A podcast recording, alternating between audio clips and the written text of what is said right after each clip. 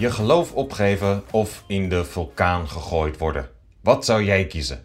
Dit was de keuze die veel christenen in Japan kregen zo'n 400 jaar geleden. Andere opties waren soms kruisiging, levend gekookt worden in heet waterbronnen en verdrinking. Japan was niet zo vriendelijk voor haar christelijke inwoners. Maar hoe kwam dit? Dat zal ik je vertellen na de boodschappen. Welkom bij de Dutch Today podcast. Ik ben Martijn, docent Nederlands. Deze podcast is bedoeld voor mensen die Nederlands studeren en de transcriptie van de podcast staat op mijn website www.benkyodutch.nl. Eh, volg me ook op Instagram en YouTube. En als je de podcast wilt steunen, kan dat door een kleine donatie te doen via Buy Me a Coffee of PayPal. Terug naar Japan.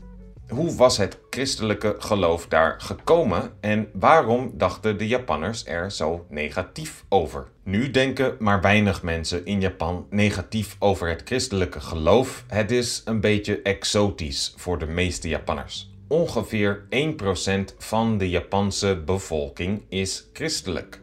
De eerste christenen in het land waren de Portugese Jezuïeten.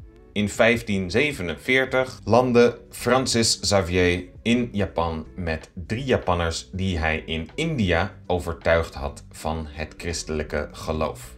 Nieuwe gelovigen kregen christelijke namen. De eerste man die hij overtuigde gaf Francis de naam Paulo de Santa Fe.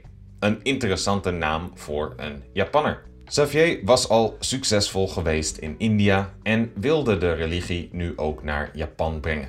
Het is makkelijk te begrijpen dat hij graag zoveel mogelijk mensen bekeerde tot christen, maar waarom was het dan interessant voor Japanners?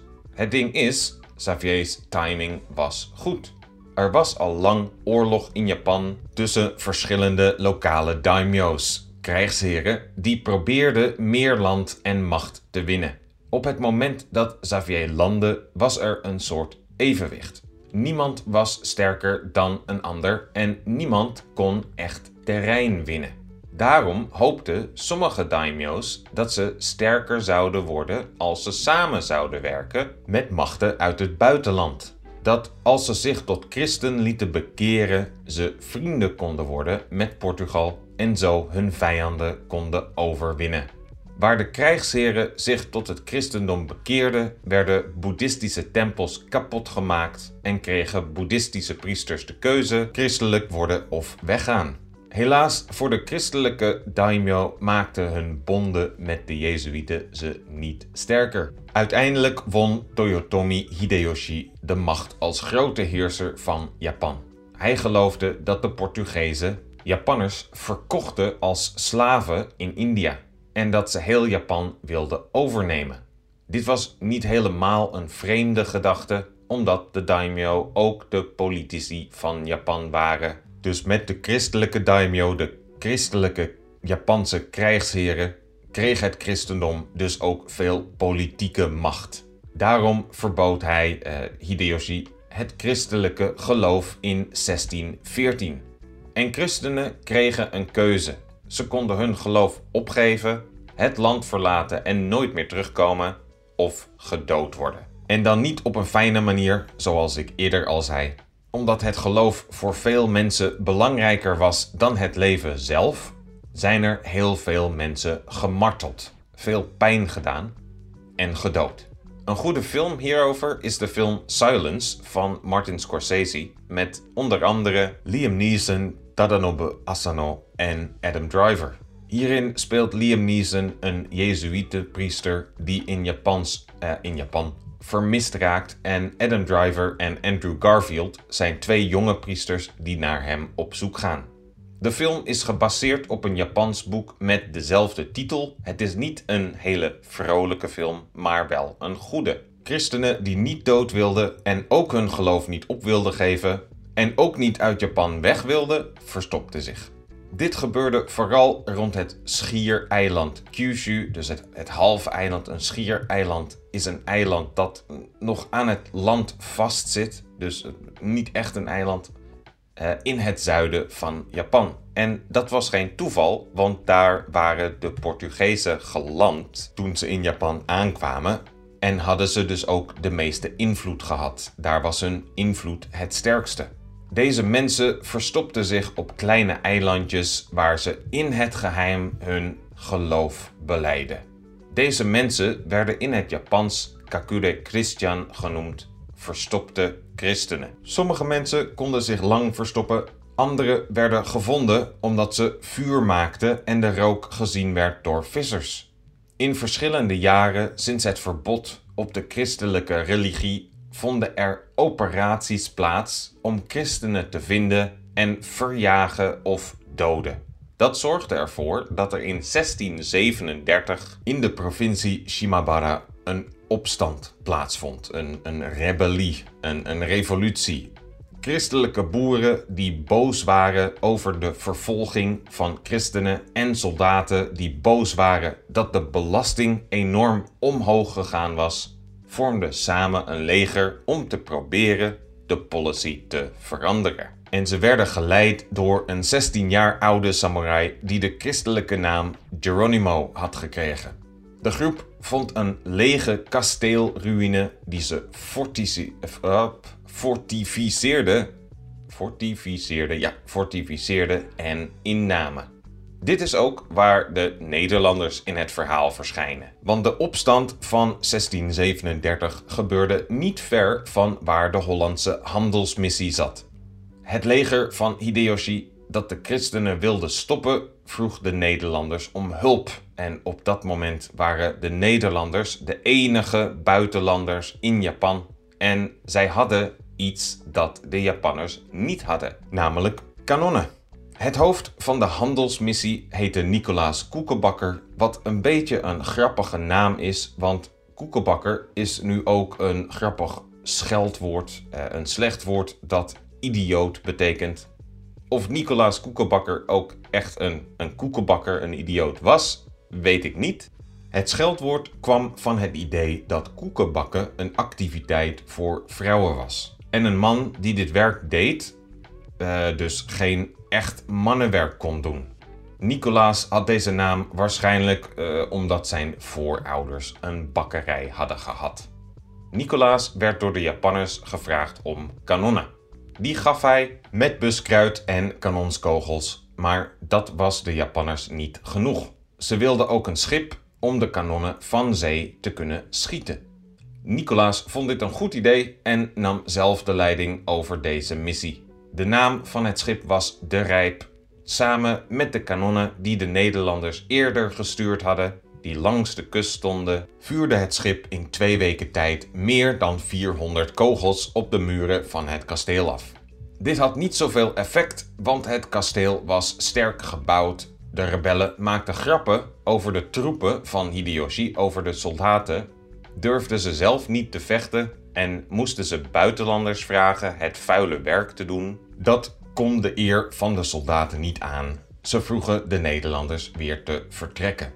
De rebellen vochten hard en konden duizenden soldaten van Hideyoshi doden. Daarom duurde het nog maanden tot de rebellen het opgaven omdat ze geen voorraden meer hadden. Geen eten, munitie en andere provisie. En op 15 april 1638 moesten ze het opgeven. Ze werden niet vergeven. Ongeveer 37.000 rebellen werden onthoofd. Ook de nu 17-jarige samurai Geronimo werd onthoofd en zijn hoofd werd op een staak buiten de stad geplaatst als boodschap, als waarschuwing aan andere mensen die in opstand wilden komen. Waarom hielpen de Nederlanders de Japanners om christenen te vermoorden? Ze waren zelf immers ook een christelijk land, een christelijke natie. Voor de Portugezen was het geloof heel belangrijk geweest. Ze wilden dit absoluut in Japan verspreiden. De belangrijkste reden was dat ze geloofden dat dit de manier was om meer macht te krijgen en Japan te koloniseren. Dat dit makkelijker was dan een oorlog omdat de Japanse legers veel te sterk waren voor de Portugezen. De reden dat de Nederlanders het geen probleem vonden om tegen Japanse christenen te vechten was omdat ze Japan niet wilden koloniseren en het geloof minder belangrijk vonden dan de handel of het geld. En Nederland stuurde geen priesters, maar handelaars. Ook hierna waren er natuurlijk christelijke Japanners. Zij verstopten zich zo goed als ze konden om niet gevonden te worden. Pas in 1873 mochten Japanners weer christelijk zijn door de invloed van Amerika. Door de honderden jaren verstoppen waren de christelijke gewoonten en geloven erg veranderd.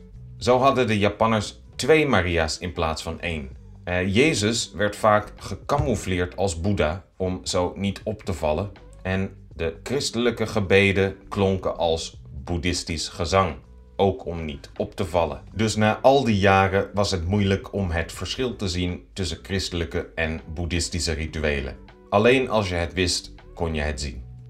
Na 1873 gingen sommige Japanse christenen bij de katholieke kerk, maar anderen bleven zich verstoppen. Sommige christenen bleven zichzelf verstoppen tot het einde van de vorige eeuw, tot het jaar 2000. Dit was niet omdat het niet veilig was, maar omdat ook het verstoppen zelf traditie was geworden. Ze bleven zich verstoppen als traditie om hun voorouders te eren. Voor sommige verborgen christenen was het eren van God niet zo belangrijk als het eren van hun voorouders. Dit is namelijk voor alle Japanners heel belangrijk. In de 17e eeuw merkten ook de Nederlanders hoe moeilijk het was om hun religie te verbergen. Wanneer ze van het schip kwamen, werd het schip doorzocht door Japanse mensen die keken of de Nederlanders geen christelijke boeken of symbolen meegebracht hadden. Dan moesten de Nederlanders op een afbeelding van Jezus of Maria staan. De Nederlanders wisten dit, dus ze brachten niets religieus met zich mee of verstopten het heel goed. Maar toen ze een nieuw pakhuis bouwden in 1640, schreven ze boven de entree 1640 AD. AD stond natuurlijk voor Anno Domini, het jaar van onze vader. En wie was die vader? Dat was Jezus. De Japanners begrepen dit en braken het pakhuis af en de Nederlanders werden naar een klein eiland gestuurd dat Decima heette, ongeveer zo groot als een voetbalveld. Alleen vanaf dit eiland mochten ze nog handelen met de Japanners. Tegenwoordig is dus ongeveer 1% van de Japanners christelijk, maar 60 tot 70% van de Japanners houdt een christelijke bruiloft wanneer ze trouwen. Dat betekent dat ze niet de traditionele Japanse bruiloft houden, maar in een pak en een witte jurk trouwen. En iemand die eruit ziet als een priester ze laat beloven voor altijd voor elkaar te zorgen. Dit is zelfs een goed betalend baantje voor veel buitenlanders die in Japan wonen om mensen te trouwen in een westerse ceremonie. Kerst wordt ook door de meeste mensen gevierd, maar anders dan in het Westen is kerst geen familiefeest, het is een feest voor koppels. Het is op die dagen ook moeilijk een restaurant te boeken, want alle koppels gaan op date. Ja, kerst is een eenzame tijd voor mensen die geen partner hebben. Wanneer ze alle paren samen zien onder de kerstlichtjes terwijl ze Kentucky Fried Chicken eten. Voor Japanners hoort KFC bij kerst. Waarom? Het antwoord is simpel: marketing. KFC is heel succesvol geweest in het marketen van hun product. Kerst is voor Japanners iets Amerikaans. KFC ook. Dus kerst betekent KFC. Mensen staan tijdens de kerstdagen in lange rijen voor het fastfoodrestaurant. Niet heel romantisch, of misschien is het een kwestie van perspectief. Ik heb in elk geval honger gekregen. Vergeet geen review achter te laten en me te volgen op de socials. Tot de volgende podcast. Doei!